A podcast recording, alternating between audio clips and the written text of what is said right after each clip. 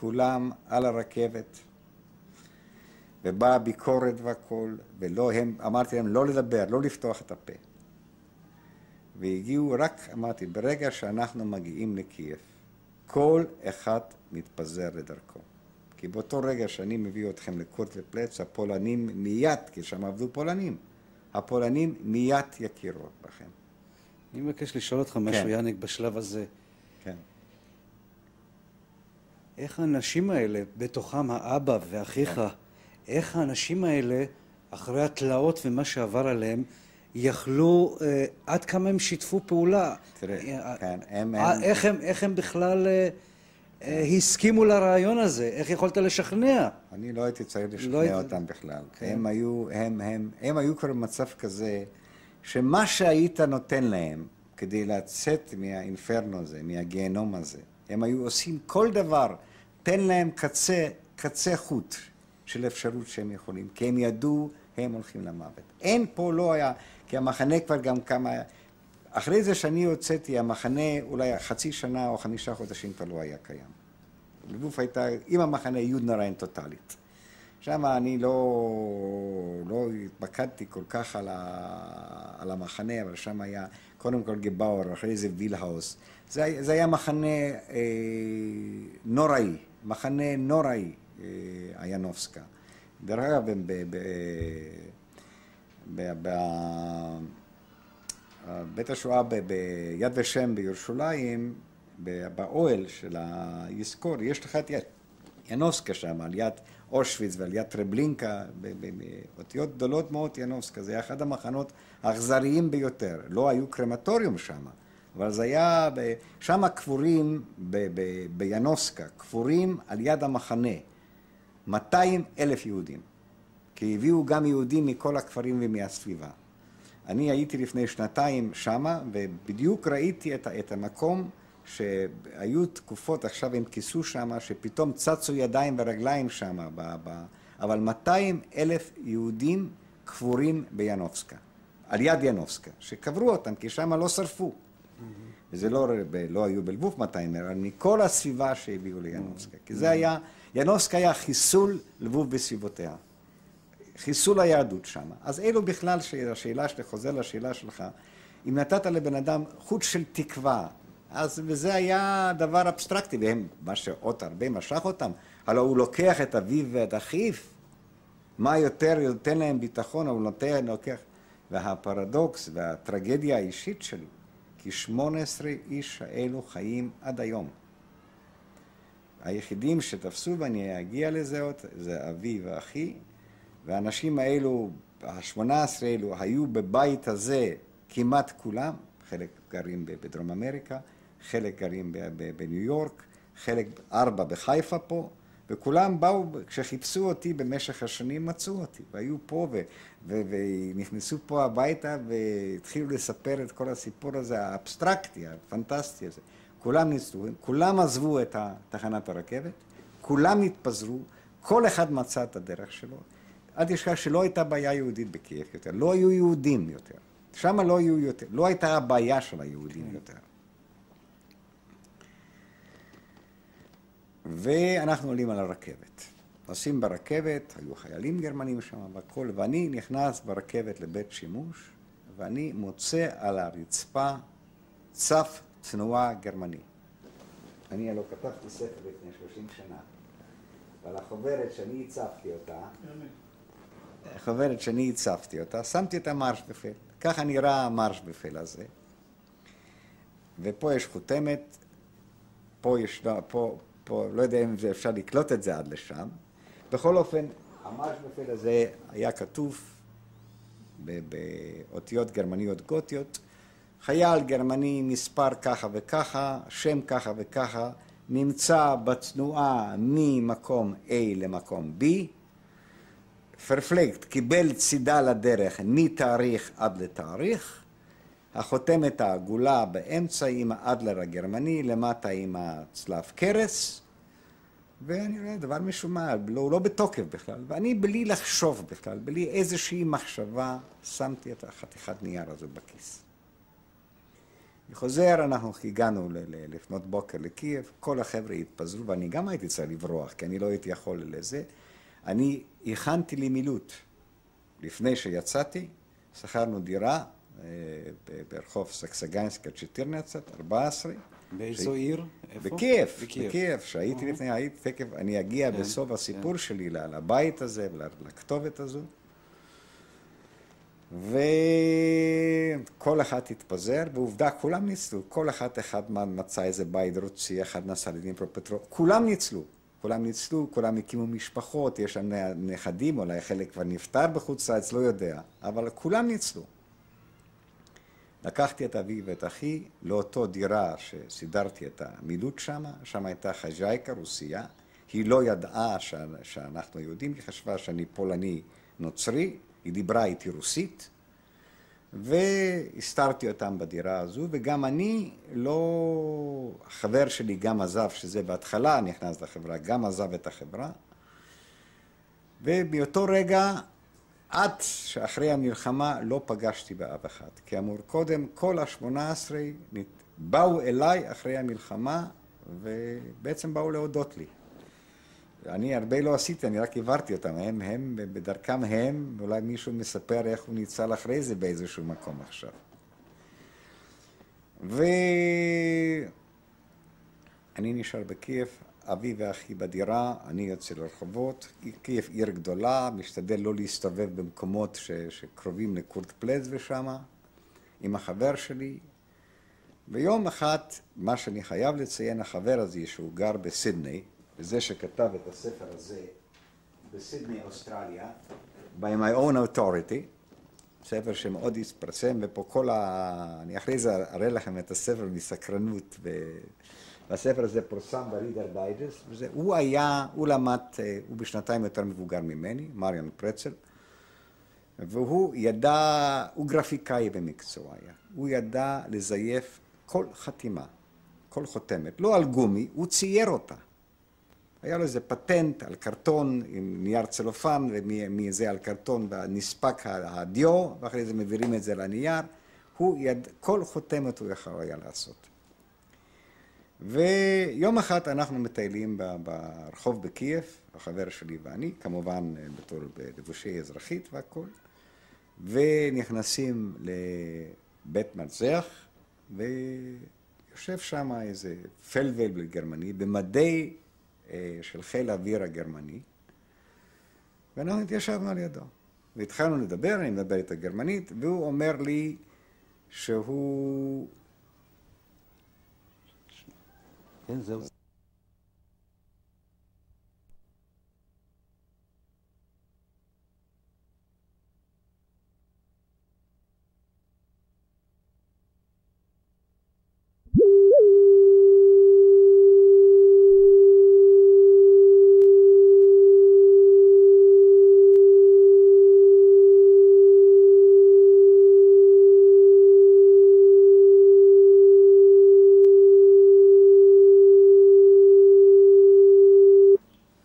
קלטת מספר שלוש, בבקשה יאנק.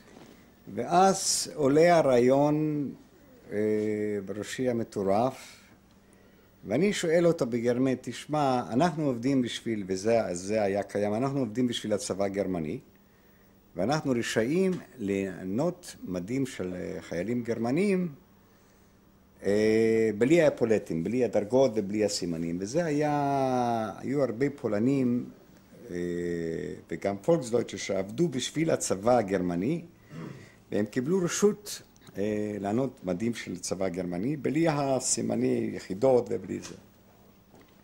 אם אתה רוצה אנחנו נביא לך אישור, אבל אצלנו ביחידה יש מחסור במדים, אולי אתה יכול לסדר לנו שני מדים, ואנחנו, אה, תקבל מאיתנו בקבוק וודקה, בקבוק פונץ'. זאת אומרת, תביאו את האישור, ואז אני אביא לכם. הלכנו, כתבנו, בג... אני כתבתי בגרמנית, בכתב יד, כתבתי בגרמנית, מריה נשא את החותמת, הנה, הוא, הספר שלו נקרא ב-My own authority, למה ב-My own authority? לפי האוטוריטטה שלי הכל קרה, כי הוא עשה את כל הניירות האלה, mm-hmm. וכתוב שם אה, יאן אורליץ' ומריאן סמולנסקי עובדים בשביל הצבא הגרמני ורשאים לענות זה, ומריאן עשה את החותמת, הבאנו לו, הגרמנים לא מבינים חוכמות. קיבל בקבוק פונץ' ובקבוק וודקה והביא לנו שני מדים עם המגפיים ועם הכל. הלכנו הביתה, לבשנו את זה, היינו, איך אומרים, יפנים יותר יפנים מיפנים, היינו יותר גרמנים מגרמנים, כי כן. גם הוא היינו גבוהים. נראינו, אה, נראינו טוב, נראינו טוב, היה קשה מאוד לזהות אותנו, אם רצו לי, בפרט, ומה שחשוב היה, אצל גרמנים נייר זה קדוש. ברגע שהיה לך איזשהו נייר, אין, אין, אין, אה, יש לך כל, הסיכוי, כל הסיכוי ל, ל, ל, לחדור, כל הסיכון לעבור. אם אין לך איזה הלשנה או משהו. עכשיו הייתה ביד, הכל טוב ויפה, אתה, יש לך מדים, אבל אתה צריך איזשהו נייר. אז ככה, זה כבר גם כן ידענו. החייל הגרמני היה לו זולדטנבוך, זה ספר החייל, אה, זה, והיה לו מרשבפל, זה המרשבפל, צו תנועה. וברגע שהיה לך, הם לא שלחו אף פעם, שאלו זולדט, אה, זולדטנבוך, מרש בפל, צו תנועה. גם אצלנו, אם המשטרה הצבאית עוצרת אותך, היא רוצה צו תנועה. אמרתי למען, ידידי מן, אתה יודע מה, תעשה לי אישור שהיחידה 27023, אותה יחידה שהיה לי את הנייר הזה, והוא יכול היה לעשות את החותמת, כי היה לו את הדוגמה מהמה- מהמרשבפל שאני מצאתי. ו- והיינו צריכים אבל מכונת כתיבה, כי אי אפשר היה לעשות את זה עם נייר. אז הלכנו, שכרנו מכונת כתיבה. אני לא ידעתי לכתוב על מכונת כתיבה, אבל לכתוב גרמנית ידעתי. אז לאט לאט כתבתי בזה מה... ש- הננו לאשר שיחידה 27023, הנמצאת בפולטבה, צריכה 100 מרשבפלים ו-100 קליינה ויאמרסשיינה, אורלופשיינה, ו-100 תעודות חופש. חשבתי, בטח ב, ב, אצל קצין העיר, אה, זה, אצלם זה היה נקרא שטת קומנדטור, מה יכול לקרות?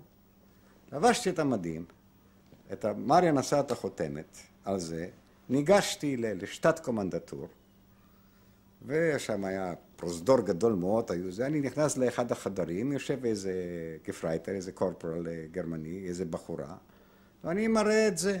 היא אפילו לא מביטה עליי. נותנת לי pack ניירות כאלו, בלנקו. אני, Heil Hitler, Heil Hitler, יוצא, ובא למריאן עם כל הזה. כל מה שקרה עכשיו, זה היה הדבר הכי עיקרי. בעצם היית צריך רק את נובע. והיית צריך למלאות מאיפה לאן אתה נוסע. היית יכול לקבל אוכל. הלוא הצבא הגרמני הלך אלפי קילומטרים. אלפי קילומטרים להסתובב, מזרחה ומערבה. ברגע שהיה לך Marschbefehl, קיבלת גם אוכל, גם Frontleitstelle לינה, יכולת בעצם לנסוע חופשית בכל הטריטוריה שהצבא הגרמני כבש. אם זה הולנד, אם זה בלגיה, אם זה צרפת, אם זה גרמניה, כל מקום. כי ברגע שהיית במדים והיה לך את הצו תנועה הזה. אתם באותו זמן, יאנק, קלטתם איזו תעוזה בעצם ב... לא, עד- לא קלטתם אפילו? לא קלטנו כי זה התחיל ללכת כל כך קל. זה התחיל ללכת כל כך קל, והרבה עזר לנו איך שנראינו, ובעצם, ואם אני היום מביט אחורה, מה היה להפסיד? אני אומר, עד היום אני אומר לילדים, אני חי על קרדיט כבר 55 שנה. אני כבר הייתי צריך להיות מת לפני 55 שנה. כל יום שאני חי זה מתנה מאלוהים. כי בעצם, מה אני יותר טוב מאבי או מאחי או מאותם ששת מיליון שהלכו? שום דבר, לא היה שום דבר מה להפסיד, וזו הייתה הפילוסופיה היסודית, אם אני היום מביט אחורה בתור בן אדם בוגר, בחורף של החיים שלי, אם אני מביט אחורה על הדבר הזה, אני אומר, בעצם לא היה מה להפסיד. כל יום שאתה חי, אתה יכול. אז עובדה, במקרה, מה, אני, היה לי מגמה להציל עשרים איש, זה בא, אבל עובדה, הם ניצלו, ניצלו עוד עשרים איש, שמונה עשרה איש, כי אבי ואחי הלכו. טוב, באותו רגע, מה שיותר אנחנו, אה, זה הלך, זאת אומרת, גם המדים וגם הניירות, קיבלנו יותר תעוזה, קיבלנו יותר, וראינו, היינו הולכים ברחוב, ואנחנו הוספנו אפולטים, היו חנויות שיכולת כמו נאפי לקנות את הדברים האלו. אנחנו הולכים למדריכה, הרוסים היו יורדים מהמדריכה. אנחנו רכשנו אקדחים. היה לי מאוזר גרמני, על הקופל ועל הכל, הייתי, הייתי כמו חייל גרמני, לנתי בפרונטלדשטלה, בזולדטנהיים, נסעתי ברכבות שלכם, מה שאתה לא רוצה. תראה, אני לא רוצה יותר מדי, אני שכבתי עם אנשים שלהם. וזה היה לי סיפוק לא רגיל, היה, אני לא יודע, היה, אני אספר פה אפיזודה, וזה, אני זוכר שזה היה בתאריך שסטלינגרד נפלה, שהארמיה של פון כן. פאולוס אה, נכנעה. הלכנו בקייב, מריאן, וזה היה לצערי הרב כבר אחרי זה, שאני קצת קופץ קדימה. והלכנו והיה שם בניין גדול מאוד, והיה כתוב למעלה, Wehrmachtspuff. זה בית זונות של הצבא. ואנחנו כבר היינו מלאי ביטחון והכול, למה שלא ניכנס? בואו נדפוק את הגרמניות, מה יכול להיות? עד כדי ככה, אה, אולי זה בקלטות לא יקבל כל כך, אני כתבתי את זה בספרים שלי ומשרד החינוך המליץ לילדים על הספר הזה, והם קראו את כל הסיפור הזה, מה שאני מספר. אבל כשנכנסנו לשם, עמדנו לפני בעיה קשה מאוד. כי ברגע שנכנסנו, ראינו שאנחנו לא יכולים לעבור למקום איפה שהבחורות הגרמניות שמה. היה אנס קקארץ, רופא של הצבא הגרמני במדים עם חלוק לבן. כל החיילים עמדו ישר עם המכנסיים למטה, והוא בדק את כל אחד אם אין לו איזה מחלה מין. ואז קיבלת את החותמת שלך למרש בפל, ואז יכולת להיכנס. ואנחנו לא פחדנו, ידענו את האות קין, אבל לא, לא יכולנו לצאת. כי בלי החותמת לא נתנו לך לצאת החוצה. Mm-hmm, mm-hmm. אז חיכינו איזה 20-30 אה, חיילים אחד בין השני, ולא קרה שום דבר. כי הגרמנים לא חשבו על זה, הם לא חיפשו, וראינו שהיו גם שם נמלים, אבל אלה לא היו יהודים. אבל קפצתי קצת קדימה. ואז אבי בדירה עם אחי, אני עם מריאן מסתובבים ברחובות, ואחרי זה מתחילים ל- ל- ל- לחשוב איך אנחנו יכולים, אנחנו ביום אחד נשב כל הזמן בקייב, עלולים לתפוס אותנו. ואז הייתה המחשבה הראשונה, בואו נלך מזרחה ונשתדל לעבור את החזית הרוסית, ואז מריאן ואני נסענו והגענו דרך זפורוז'ה, אה, אומן, סטלינו, פולטבה, עד לחרקוב. החזית הייתה איזה 60 קילומטר מחרקוב, שמעת את התותחים, כן? אבל אנחנו הגענו שם, והתמונה הייתה, באנו לשם, שני חיילים גרמנים במדים של חיל האוויר הגרמני, ושם היו רק אנשי שריון. היה אס אס הרמן גרין, פנצה דיוויזיון עמדה שם, אלו בשחור שהיו לבושים, היו שני חיילים שהולכים ברחוב, רק... וראינו שפה יתפסו אותנו, מה אנחנו עושים שם? אז מהר נסוגנו אחורה, חזרנו לקייב, ואז התחלנו לרקום את ה... אולי לנסוע לכיוון אה, אוסטריה, לעבור את האלפים ולהגיע לשוויץ. זה דברים הכל פנטסטיים, זה, זה, זה נשמע, אבל אלו היו המחשבות. ואז אני אמרתי, אני אסע קודם כל בחזרה ללבוב, נראה מה קורה שמה, ונראה הלאה. ואני נסעתי ללבוב בחזרה, ולנתי בפרונטלייטשטלה, גטו כבר לא היה, שום דבר כבר לא היה שם. אני חזרתי, אני חוזר בבוקר, היה עוד חשוב בחוץ, אני דופק בדלת, הרוסיה פותחת לי את הדלת, יש לה על הראש אה, איזה פצע סגורה, והיא אומרת לי ברוסית, וניה, ביז'אי אני ז'דות נתיביה. וניה קרא לי, רוץ, הם ישנים פה, מחכים לך. ואני עוד, אני זוכר, אני הוצאתי את האקדח מהנרתיק, הכנסתי כדור לקנה, ו... ואני לא יודע מה לעשות. ואני שואל אותה, שטו סלוצ'ילו, מה קרה? אז היא אומרת, אה, הם באו, אה, הייתה מהומה גדולה, אחיך קפץ מהקומה הרביעית והתאבד, ואביך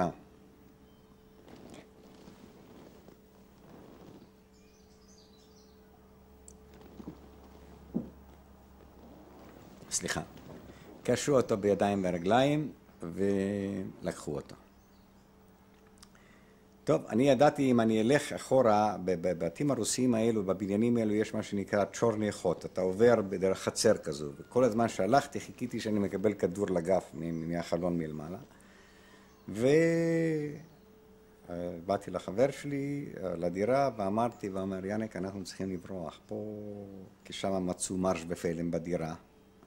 ופה התחיל הסיפור הכי מסוכן. לא מסוכן, כי פה הגרמנים הפסיקו לחפש את היהודים, הם, הם חשבו שיש פה איזה רשת ריגול, כי הם פתאום מצאו שם צילומים במדים, והם מצאו אה, מרש בפיילים חתומים בכל מיני דברים, ואנחנו היינו אה, חייבים לברוח, והתחלנו לברוח, שוב פעם נסענו לדניפרופטרוס, זפורוז', אומן, כל הדרך.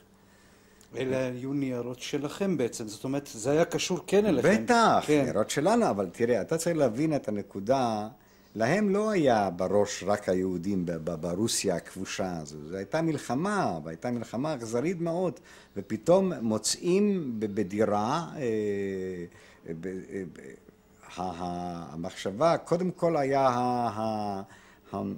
כמו השב"כ שלנו, החקירה, למה? איך, איך, איך מגיעים למדים? איך הגיעו לניירות כאלו? הלוא זה לא יהודי שמתחבק כדי רוצה להציל את החיים שלו. פה יש משהו הרבה יותר רציני. כי בוא, אילולא לדוגמה, אם לנו היה קשר למשל עם, עם, עם, ה, עם האמריקאים, או עם האנגלים, או עם הרוסים, אנחנו ידענו כל כך הרבה על התנועה של הצבא הגרמני, כי כל הזמן היינו ברכבות. וראיתי את כל היחידות הולכות מערבה או מזרחה, או מערבה או מזרחה, או צפונה או דרומה. אתה, אלפי חיילים, אני ישנתי בפלונדרשטל, הייתי בא לזולדטנהיימס, ועכשיו אני אגיע, אפרופו זולדטנהיים, וזה קרה לי באותו נסיעה ללבוף, אז שחזרתי, אני נכנס לתוך זולדטנהיים. מה זה זולדטנהיים? זה, זה, זה בית החייל. ושם יושבים אה, הרבה מאוד חיילים, אתה נכנס לבית החייל, אתה מוריד את הקופל שלך עם האקדח או עם הביונט, מה שהיה לך, אתה צריך להוריד את הכובע, אתה נכנס פנימה, אז זה, שוב פעם, זה למדנו, תורה יחידיות, הלובוואפה, האס-אס, הזונדר קומנדו, הפנצטרופ, כולם הייל היטלר. האינפנטרי, כל היחידות האחרות היו מצדיעות, וזה, כל הדברים האלו היית צריך ללמוד אותם. ואני יושב שם ושותה, עוד עם כמה, שותה בירה בלבוף, וניגש אחד ומתיישב אליי ואני מביט עליו. זה אותו גרמני שאני טיפלתי באופניים שלו בשדה התעופה שם. Mm-hmm. כן. והוא כל הזמן מביט עליי, כי אני בלי הכובע, אני ישבתי, הכובע השארתי שם, והוא אומר לי, von irgendwo, ich weiß nicht אני מכיר אותך מאיזה מקום, אני לא יודע מאיפה. ואני ידעתי מאיפה הוא מכיר אותי. אז אני אומר לו, אה, יכול להיות, הייתי בחזית זו או בחזית זו, יכול להיות. והוא כל הזמן מביט אליי, והוא לא יכול היה לחבר בשום פנים ואופן שאני אותו נער שניקה לו את האופניים אז בסקניבוב בשדה התעופה. זה, זה רק בתור אפיזודה. ואז אה, אני חוזר, ואנחנו אז בדמריאן, ואנחנו אז מחפשים את הדרך, ואנחנו אז שומעים, אומרים בואו אנחנו ניסע דרך אה, אה, בוקרשט, אודסה, בוקרשט, בודפסט לווינה, וננסה לעבור את ה... את ה באיזושהי דרך, שזה היה פנטסטי, את האלפים לשוויץ.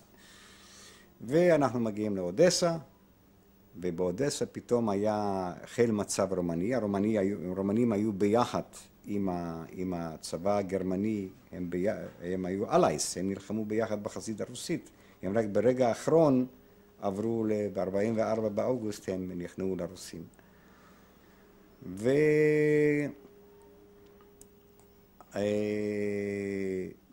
ואנחנו רואים שמסתובבים שם החיילים, רואים, ויש איך מגיעים לבוקרשט. שוב פעם מריה ממלאים צו תנועה, שאנחנו נמצאים בדרך מאודסה לבוקרסט, בודפסט, והנה כאילו שאנחנו נוסעים לחופש, אורלאפשיין. ירדנו בבוקרסט בתחנת הרכבת, ואמרנו בואו נראה מה קורה פה. ירדנו בבוקרסט, עיר הייתה תוססת, יפהפייה, אחרי רוסיה הכבושה, אחרי העוני, אחרי הרעב, אחרי הערים ההרוסות. בוקרסט הייתה עיר בשבילי זה היה כמו שפעם ראשונה הגעתי לפריז. זה היה מליאת חיים. ואנחנו פתאום רואים, יש חנויות, חיימוביצ'י, מוסקוביצ'י, שלטים על חנויות. מריאן, יש פה יהודים, לא פגעו פה ביהודים בכלל. אתה יודע מה, בואו נלך לקהילה יהודית. קחו בחשבון, אנחנו במדים של חיילים גרמניים, ואמרו לי שמה ושמה יידישה גמיינדה, אנחנו עולים, היה שם יהודי בשם פילדרמן, והוא בא ואנחנו מספרים לו את הסיפור כמו, בקצרה יותר, כמו אני מספר פה. והוא נבהל, כי הוא חשב שזה פרובוקציה. ו... ואני התחלתי לדבר איתו עברית, והוא לא ידע עברית. הורדנו את המכנסיים. שנינו, אז הוא האמין לנו. Mm-hmm. והוא אמר, והוא אז נתן לנו עצה טובה מאוד, ואמר, תשמעו, אה, אין להישאר בתור יהודים אם יתפסו אתכם הרומנים הגרמנים ישר לגבול הפולני, ואתם ישר הולכים לאושוויץ. ברומניה, עקב המלך הרומני אז מיכאי, והיה ראש ממשלה אנטונסקו, לא פגעו ביהדות בוקרשט. ההחלטה הייתה, declaration, יהודי בוקרשט לא נפגעו בכלל, רק בטרנסניסטריה, בצפון, היו מחנות ריכוז ושם לקחו. בבוקרשט לא פגעו ביהודים. אתם תלכו ל-YMCA, זה Young Man Christian Association של הפולנים, שעברו ב-1939 את הגבול וברחו לרומניה, שהגרמנים תפסו את פולין עם הרוסים, ואתם תספרו את אותו הסיפור שלכם, רק שאתם פולנים נוצרים. זה יעץ לכם אותו... היושב ראש הקהילה פילדרמן. כן, כן. ועשינו ככה. באנו שם במדים, הם נתנו לנו בגדים אזרחיים. אנחנו אמרנו, אנחנו רוצים לשמור על הבגדים הגרמניים, כי לא ידענו מה יהיה. ונשארנו בבוקרשט. נשארנו בבוקרשט איזושהי תקופה, ואז יצ... דרך הקהילה היהודית שידעו עלינו, הייתה תנועה גורדוניה בבוקרשט. היו יהודים שם, תנועה יצאית, והם יצרו איתנו קשר, אני הייתי בשבילם, וידעתי עברית והכול. והסיפור הלך עד ל... אני די מתקרב כבר, אבל כי יש לי פילוג אחרי זה לספר, והסיפור הזה הלך עד למצב שהגרמנים תפסו את השלטון בהונגריה, הסיפור של אייכמן ושל קסטנר, הלוא אז שהחליטו, ולנברג, כל הסיפור הזה שהוציאו כן. את כל יהדות גרמניה מהונגריה, שהחסלו אותם, ואז באו מאיתנו מגר... מגורדוניה ואמרו, יש מישהי שחשוב לנו מאוד להביא לבוקרשט. וניסינו דרך הצבא ההונגרי, דרך הגבול הירוק, לא הולך. אתם התקווה האחרונה. מישהי שלהוציא אותה, כן? מיש מבודפסט להביא לבוקרשט. כן. ומריאן ואני לבשנו את המדים ועשינו מרש בפל, וזה סיפור לא רגיל. והגענו לתחנת הרכבת. ואיחרנו את הרכבת, ב, קיבלנו מה, מהתמונה של הבחורה הזו, והיה כתוב, את יכולה, לס, בהונגרית היה כתוב, אני לא יודע לחזור על זה, את יכולה לשים את החיים שלך בשקט בידי הבחורים האלו. בלשוצה, זה שם הרחוב בלשוצה בבודפסט, כבר הגרמנים שמה, כבר כל הסיפור של אייכמן שמה עובר, יש כבר כל, כל המהומה שמה, כבר מביאים את הטרנספורטים לאושוויץ. ואנחנו מאחרים את הרכבת מ... שהייתה צריכה לצאת מבוקרשט לבודפסט, שהייתה צריכה לעבור בצולנוק. אז מה עושים פה? אנחנו עומדים בתחנה עם המדים, מה נחזור בחזרה? לא, בואו נלך לפרונטלשטלה בבוקרשט. ולנו עוד לילה ויצאנו למחרת הבוקר.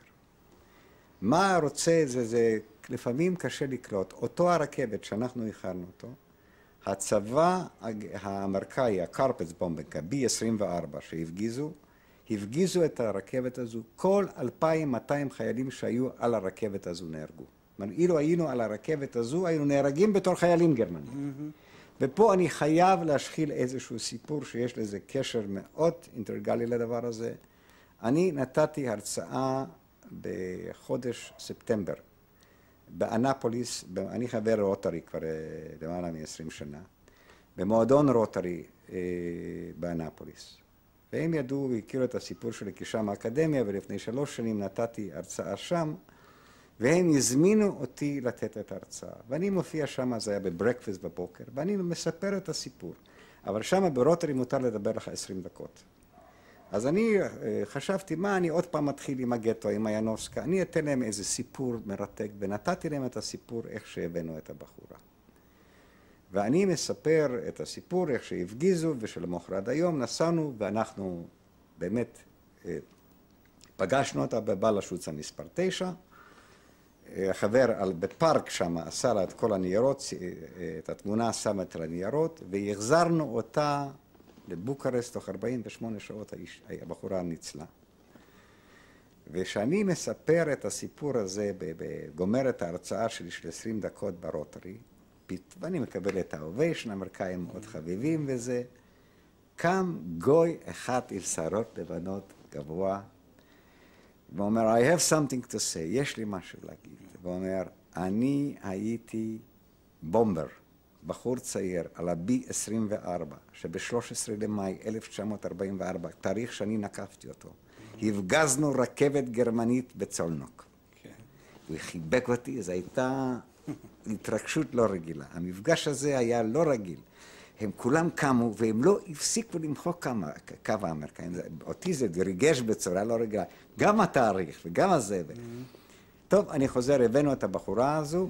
תרשה לי לשאול, הבחורה הזו הייתה אישה, איזו גברת חיונית מאוד? תראה, זה היה בשביל גורדון, היא פעלה משהו בשביל, התנועה, אני לא יודע כמה אתם מעורבים בתנועת גורדוניה, הם היו, ופה זה המשך של הסיפור הזה. כן, כן. ותכף אני אענה לך על השאלה שלך, הבחור, הגורדוניה מאוד פחדו שאותו דבר מה שקרה בבודפסט, הצבא הרוסי היה בבסרביה כבר, הלך דרומה, לכיוון הבוקרסט. והם פחדו שלפני שהרוסים יגיעו, יקרה בבוקרסט אותו דבר, יהדות בוקרסט הייתה כולה בשלמותה, שם היו 40 אלף יהודים או כמה, אני כבר לא זוכר כמה, שקרה בבודפסט. והם אמרו, אם זה יקרה, אנחנו נתנגד. נתנגד בכוח, אבל צריכים נשק.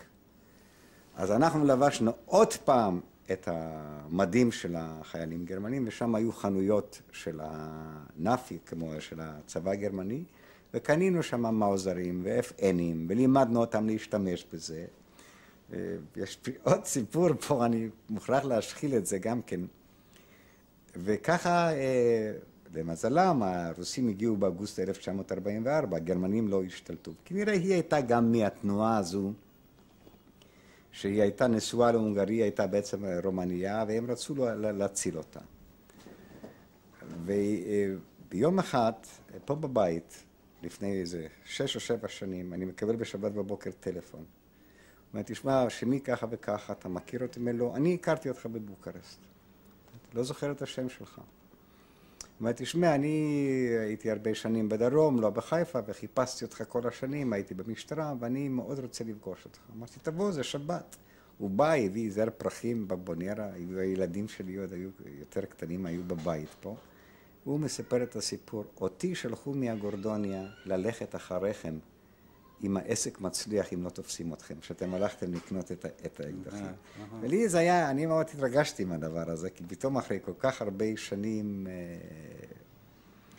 טוב, ב-1900, אה, באוגוסט 1944, הצבא הרוסי נכנס לבוקרשט, ואז הגורדוניה התנועה, אני בעצם הייתי בין הראשונים, אני הגעתי ארצה בנובמבר 1944, אני הראיתי לך את הדרכון שלי, דרך, כן, אה, אה, נובמבר 1944, לגלית, דרך הג'וינט, היינו קבוצה קטנה מאוד שהם רצו להציל, להוציא מיד משם ארצה, ו... אה, ואז הגעתי להנה דרך אה, בוקרשט, בולגרד בבולגריה, איסטנבול בטורקיה, אלפו בסוריה, ברכבת לחיפה. העבירו אותנו לעתלית, רק בשביל הקרנטינה, כי הייתי לגלי. היינו שבוע ימים בקרנטינה, זה הניקוי נגד אה, שנכנסים ארצה. ואז שחררו אותי, ואז היה שם דובקין מהסוכנות, והיה major בריטי, זו הייתה פלסטינה עוד, ואני ניגש שם לשחרור, לזה, והיה לו file גדול כזה.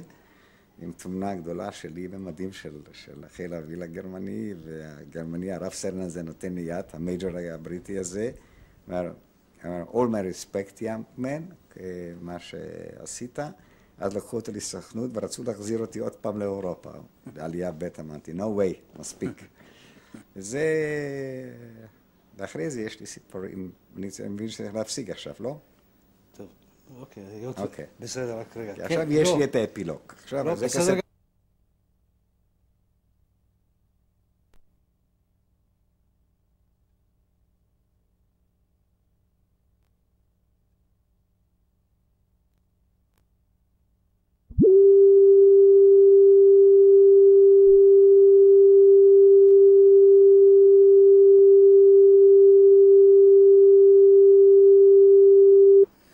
שופטת מספר 4, המרואיין יאנק פוקס. בבקשה, יאנק. אה, טוב, הגעתי ארצה, כמובן אה, עבורי להגיע ארצה זה כמו לבוא הביתה היה. כי ידעתי הרבה מאוד לארץ, אה, ידעתי את השפה, הייתה לי כל המודעות הציונית וכל ה... מה שקשור לזה. ואז, אה, אם אני אביט היום אחורה, לא עמדתי יום אחד בעיר הזו, בארץ הזו, שלא עבדתי. אז אה, השאלה הייתה לאן ללכת. אז אה, היות ובאתי לחיפה, וחיפה מאוד מצאה חן בעיניי. ואז הסתובבתי קצת בירושלים, אז זאת הייתה עיר עתיקה הייתה, זו הייתה תקופת המנדט, הבריטים. והחלטתי שאני את האוהל שלי אקים אה, בעיר חיפה. וככה זה קרה, ואני פה חי מנובמבר 1944, אז אם עושים חשבון זה 52 שנה. אה, עסקתי בכל מיני עיסוקים פה. מה לא עשיתי? הייתי צבעי וסנדלר ונהג מונית ומורה דרך ועבדתי בדואר ואחרי זה הייתה מלחמת השחרור כמובן והייתי בצבא ונפצעתי וגמרתי את הצבא והולדתי שלושה ילדים, יש לי שני בנים ובת. הבן הבכור שלי מיכה אהרון שנקרא על שם אבי. הבכור שלי, שהוא היום בן 43, ושהוא איתי בעסק, יש לי משרד נסיעות, אני אה, עוסק הרבה בתיירות נכנסת, אני הסוכן התיירותי של הצי האמריקאי וכל הציים הבריטי, הפרדוקסלי גם של הצי הגרמני, שמגיע ארצה, טיפלתי בכמה אוניות של הצי הגרמני שהיו פה. והבן השני שלי, אה, תומר, שהוא מהנדס אה, תעשייה וניהול, שגר בתמרת, אה, נשוי עם טלי, יש לי את הבת שלי שהיא עורכת דין, עובדת בבאר שבע, גרה בעומר. הבן שלי, תומר, הוא סרן בצבא, ביחידה מיוחדת. הבעלה של צילי גם אה, היה גם עורך דין, גם היה סרן בצירה ביחידה מיוחדת. ויש לי הרבה נחת מהילדים, יש לי שני נכדים, אחד בדרך. וכדי לסגור את ה... וכמובן הילדים שלי חונכו בבית. אני לא הייתי מאלו שהסתרתי את השואה. אני הרבה סיפרתי בבית לילדים, הם חיו את השואה, וראיתי לחובה ל- ל- ל- ל- שהם ידעו בעצם מה קרה. שהם ידעו שאין לנו מקום אחר, וזה המקום, פה נחיה ופה נמות, אבל יותר טוב שנחיה. ו... קרה דבר מעניין, דווקא עם בתי, שהייתה בת 15, היה יהודי בשם אה, זינגר, שהוא אה, גם כתב ספר, ועל שם הניצול, עשו סרט מזה, אמריקאי בהוליווד, סרט רציני, והוא הגיע ארצה אה, בערך לפני 13 שנה, והוא החליט לעשות הצגה על הניצול. הניצול, הספר שלו עוסק בגטו ורשה, איך שהוא ניצל בתור, ביניהם עם ניירות של, של ארי, של נוצרי, וכל הסיפור האישי שלו, שהוא מאוד דרמטי, כל הסיפור של גטו ורשה, והוא הגיע מניו יורק להנה, והוא חיפש, אה, הוא רצה לעשות את ההצגה עם ילדים, והוא חיפש... אה, אה, ילדים שישתתפו ויהיו השחקנים, הוא ראיין 400 ילדים, ובין אותה קבוצה קטנה שהצגה את התפקיד הראשי של בחורה קיבלה הבת שלי, זו שהיום עורכת דין.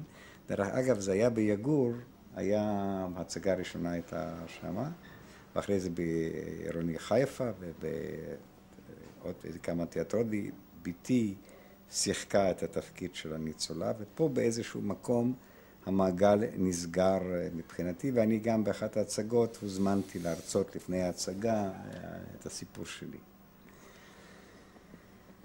אחרי זה ב-1984 אני הייתי בווינה ופגשתי את החבר שלי מריאן פרצל שחי בסידני, נשוי עם נוצרייה שם, יש לו שני ילדים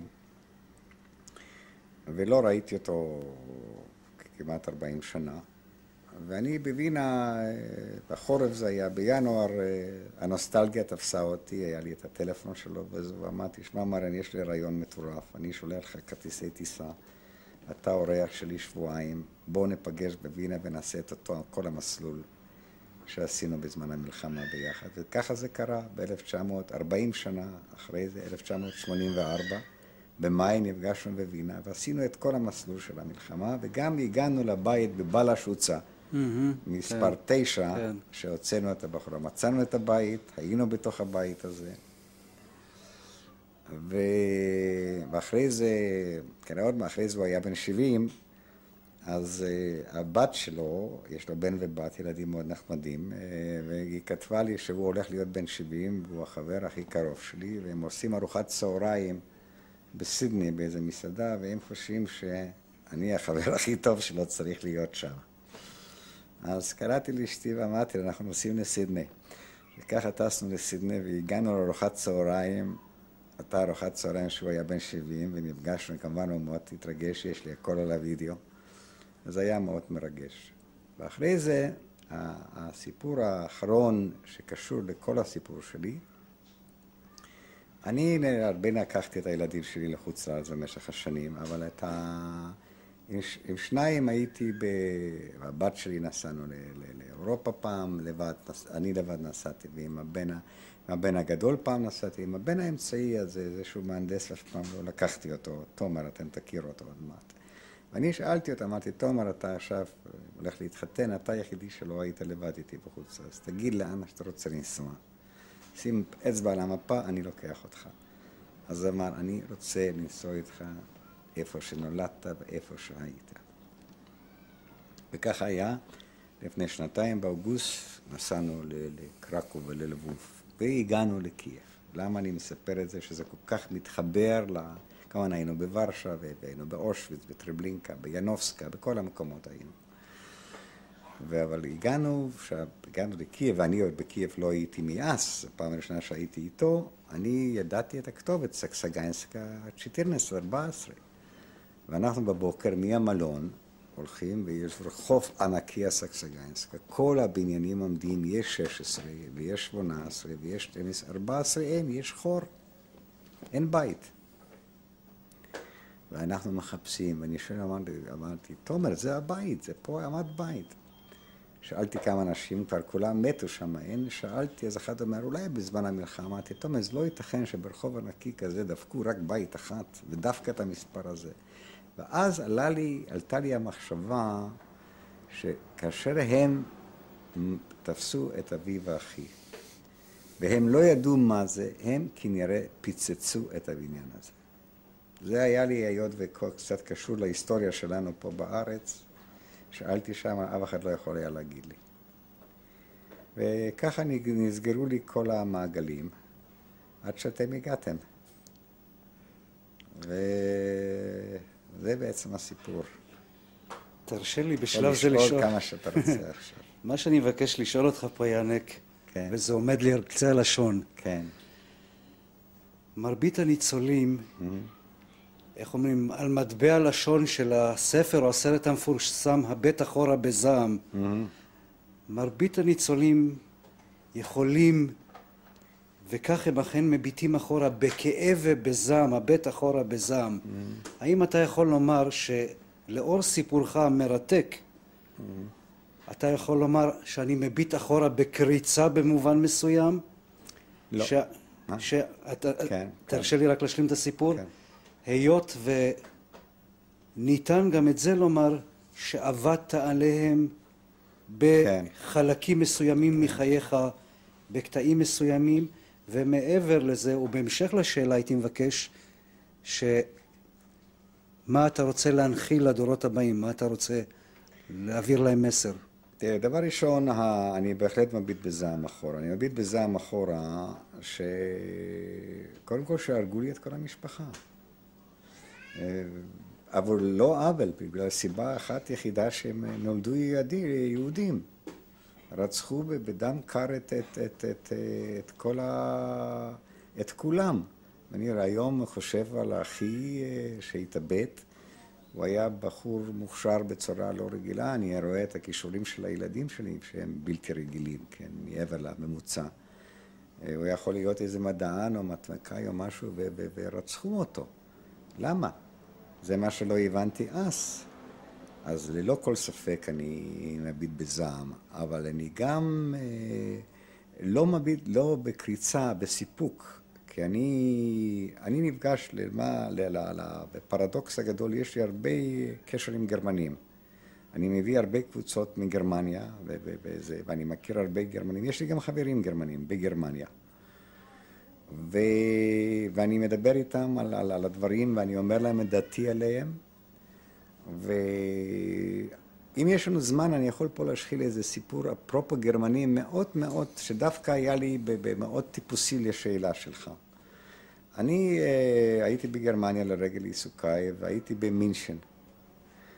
וזו הייתה אחת הפעם הראשונה בעצם שהייתי שם, ואז החלטתי שאני אסע לדכאו, זה חצי שעה. לקחתי רכבת ממינשן לדכאו, אמרתי, אני אתייחד שם במקום, בכל אופן, לא יודע איפה קבור אחי ואיפה קבור אה, אבי, ו... ו... אני אהיה שם, אני אהיה שם שעה או משהו, אני נשארתי שם יום שלם, עם כל המטען של הרגשות וכל זה, שם המוזיאון מאוד שמור, המחנה נשמר כמו שהיה. ואני חוזר לפנות ערב ממינשן, מדכו למינשן. הרכבת כמעט נכנסת לתחנת הרכבת, ונכנס המבקר, ואני נותן לו את הכרטיס שלי של שני מרק, הנסיעה קצרה. והוא מנקב אותו, ואני כנראה שמתי לו לעדן החלון, ואני יורד. ואז, היום זה לא כבר כך, לא יכולתי יותר לצאת מתחנת הרכבת, זה כמו בסאבווי בלונדון, בלי שיהיה לי הכרטיס. אז אני, עם כל המטען של הרגשות שהיה אני אומר לגרמני הזה, אדוני, אני תייר פה, מוציא את הדרכון הישראלי. אומר, לא כתוב בשום מקום שאני צריך לשמור על הכרטיס. אומר, מצטער מאוד, אתה צריך ללכת לקנות כרטיס חדש. ואני נורא רתחתי בזה, אמרתי, לא, אני רוצה לראות את הממונה שלך. ואני מגיע לממונה, ואני, את אותו הסיפור, אני אומר את שלי, והוא עונה לי את אותו, מצטער מאוד, אתה... אני הגעתי למנהל התחנה, למעלה עליתי למדרגות ברזל, שם היה, ישב, אה, זה, מהצוואר פר שלו, ואני מספר לו את הסיפור, הוא אומר לי, תות מילייט, אני מאוד מצטער, אתה חייב לקנות. ראיתי שאין מה לעשות. התחלתי לצחוק, אומר, רום לחנזי, למה אתה צוחק? אני אומר, זה שאני בא מדכאו, אתה מאמין לי שזה שני מרק. מאיפה אתה יודע שאני לא בא מהמבורג או מברמן, שזה מאה, מאה מרק? זה אתה מאמין לי. זה שהשארתי את הכרטיס על עדן החלון, זה אתה לא מאמין לי. ויצאתי. אבל זה לא סוף הסיפור. אני למחרת היום נוסע ברכבת. ממינשן לווינה. זה קומפרטמנט, שם יושבות שתי נשים, ויושב גבר צעיר בשנות ה-30 שלו, ושבא על ה... בגבול אוסטריה-גרמניה, באה ביקורת, אני מוציא בגאווה את הדרכון הישראלי שלי, מראה אותו, והבחור הצעיר שישב על ידי מביט. הרכבת נכנסת לתוך אוסטריה, אז הוא אומר לי, שמי ככה וככה, אני עיתונאי. ומותר להזמין אותך בקרון המסעדה שם לכוס קפה ברכבת, ואני הייתי רוצה לשאול אותך כמה שאלות. אמרתי, בשמחה רבה. והתחלנו, הלכנו לשתות קפה, התחלנו לדבר, ואני סיפרתי לו כמה דברים, והוא בסוף אומר לי, תגיד לי, לולא היה היטלר במדינה אחרת, אתה חושב שלא יכול היה לקרוא אותו דבר? אמרתי לו, בשום אופן לא. וסיפרתי לו את הסיפור הזה בתחנת הרכבת במינשן. כן. אמרתי, כי אתם לא חושבים, לכם אומרים לרצוח, אתם רוצחים. לכם יגידו לאהוב, אתם תאהבו. אתם אנשים מכניים. אצלכם לא עובד לב, אצלכם לא, ראש, אתם עובדים מכני, אתם עם שבנוי לפקודות. אומר, תודות לזה אני ניצלתי, כי אם לא היה לי איזה פיסת נייר מחורבנת. גם אותי כן. הייתם תופסים, אבל הפיסת נייר, הפקודה הזו, זה היה בשבילכם הכל. זה, זה בעצם הסוף והמורל של הסיפור, מה שאתה שאלת אותי, את השאלה. אז זה לא קריצה, זה בעצם הסיפוק שהצלחתי, אני נער יהודי, הצלחתי להרים עליהם, ולא ירגיש, ושאני התעליתי עליהם, כי אני בחבורה שאני ישנתי בלהם, הם מאוד כיבדו אותי. הם שאלו אותי, איך אתה צעיר כזה, ואתה ביחידה כזו, ואיך זה, ואיך שמה. הם מאוד התפעלו על זה, הם לא מדדו לי את המוח מאיך שמודדים. מה הגובה שלי ומה זה, אני הייתי עבורם דגם. בסופו של דבר הייתי יהודי, עם סבא חרדים משני הצדדים. That's it. תודה. זהו. טוב, לא נשארו לי הרבה תמונות, אה, בכלל לא היו לי תמונות של המשפחה, וזה הכל הגיע אליי אחרי המלחמה. אה, פה תמונה של אבא שלי, שהיה סטודנט לרפואה בווינה. אני משער שזה היה בשנות ה-20 אה, המוקדמות. אחרי זה התמונה השנייה שיש לי זה שגם מקרה הגיע אליי ממישהו שהלך עם אחי לבית ספר, בתמונה של אחי, שהיה באיזה מפגש טיול אה, ערב פרוץ המלחמה, שהגיע אליי מישהו שהלך איתו באותה כיתה לבית ספר בחוץ לארץ, ועלה ארצה לפני המלחמה, ויצרתי איתו קשר והוא נתן לי את התמונה שאני הגדלתי. מצוין, כן. זה אני אה, באותה תקופה, בתור אה, חייל גרמני, ככה נראיתי, ואולי אה, ניצלתי בגלל זה. הבניין האמצעי זה הבניין של סבי, בנה אותו ב-1910, ופה גרנו בבית הזה, וביקרתי פה כבר מזמן גמר המלחמה שלוש פעמים.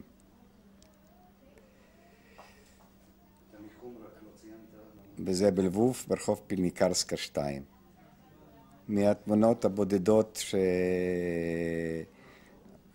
שהשגתי, זו תמונה של אח של אמי עם אשתו, אה, לזרבוב כץ,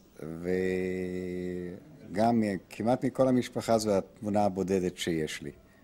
הבן של אותו דוד שמהתמונה הקודמת, אה, ליאו כץ, שהוא למד אה, הנדסה בפריז, בצרפת, ומלחמה תפסה אותו שם, ומשם הוא ברח לספרד, ומספרד לטורונטו, קנדה. ושהוא חי עד היום, הוא, בחודש הוא יהיה בן 90. הוא היה בכל האירועים של הילדים שלי.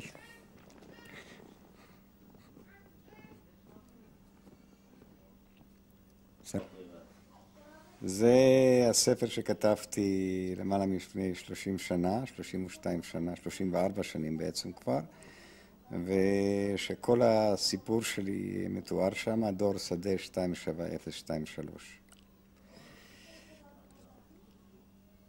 זה ספר שכתב החבר שלי בסידני, אוסטרליה, מריאן פרצה, by my own authority, שבעצם אה, כל הסיפור אה, אה, מוזכר בספר הזה, וגם נבחר לאחד הסיפורים המובחרים של השנה של Reader's Digest.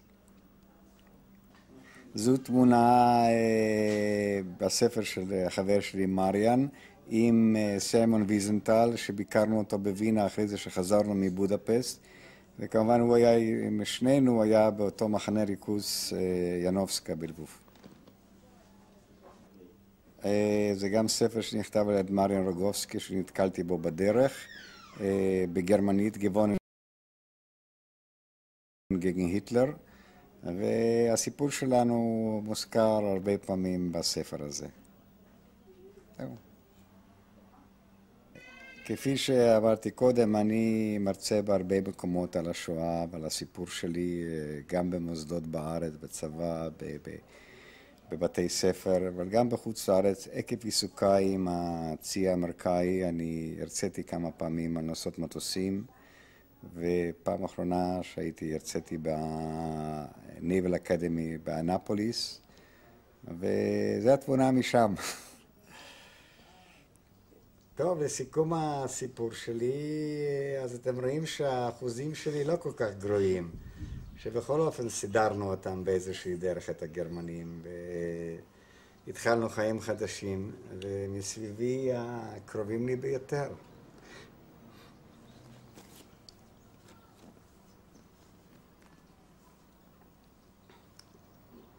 נכדיי, בתי, הבנים שלי, הכלות שלי, חסר לי אחד פה, זה דורון, שהוא בארצות הברית כרגע, ו...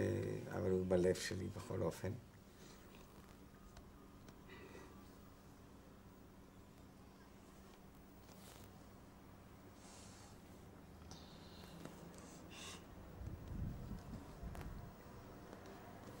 ויופי שכולם ביחד. כן ירבו. אמן.